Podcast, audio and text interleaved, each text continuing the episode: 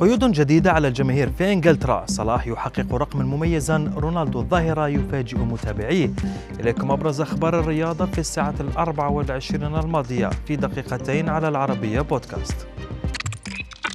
الجميع يترقب التطورات الخاصة حول القيود التي ستفرض على الحضور الجماهيري في إنجلترا خلال فترة أعياد الميلاد. وصدر قرار بالفعل ينص على إلزامية إظهار وثيقة تلقي اللقاح قبل الدخول إلى الملعب.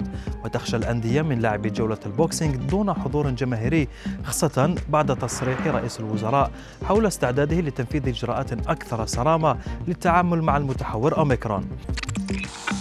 حقق محمد صلاح لاعب ليفربول رقما مميزا مع ناديه الإنجليزي بعدما أصبح أول لاعب يسجل أكثر من 20 هدفا في كل المسابقات وذلك لخمسة مواسم متتالية منذ أن فعلها الأسطورة الإيرلندي إيان راش في ثمانينيات القرن الماضي. ويتوجب على صلاح أن يكرر إنجازه الموسم المقبل كي يعادل رقم إيان راش.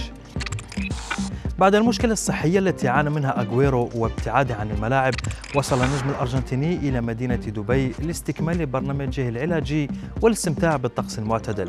أغويرو نشر صورا له على إنستغرام وهو رفقة صديقته في أحد الفنادق وصورة أخرى وهو يتدرب في أحد الصالات الرياضية كما التقى أيضا بزميله السابق في المنتخب الأرجنتيني بابلو زاباليتا.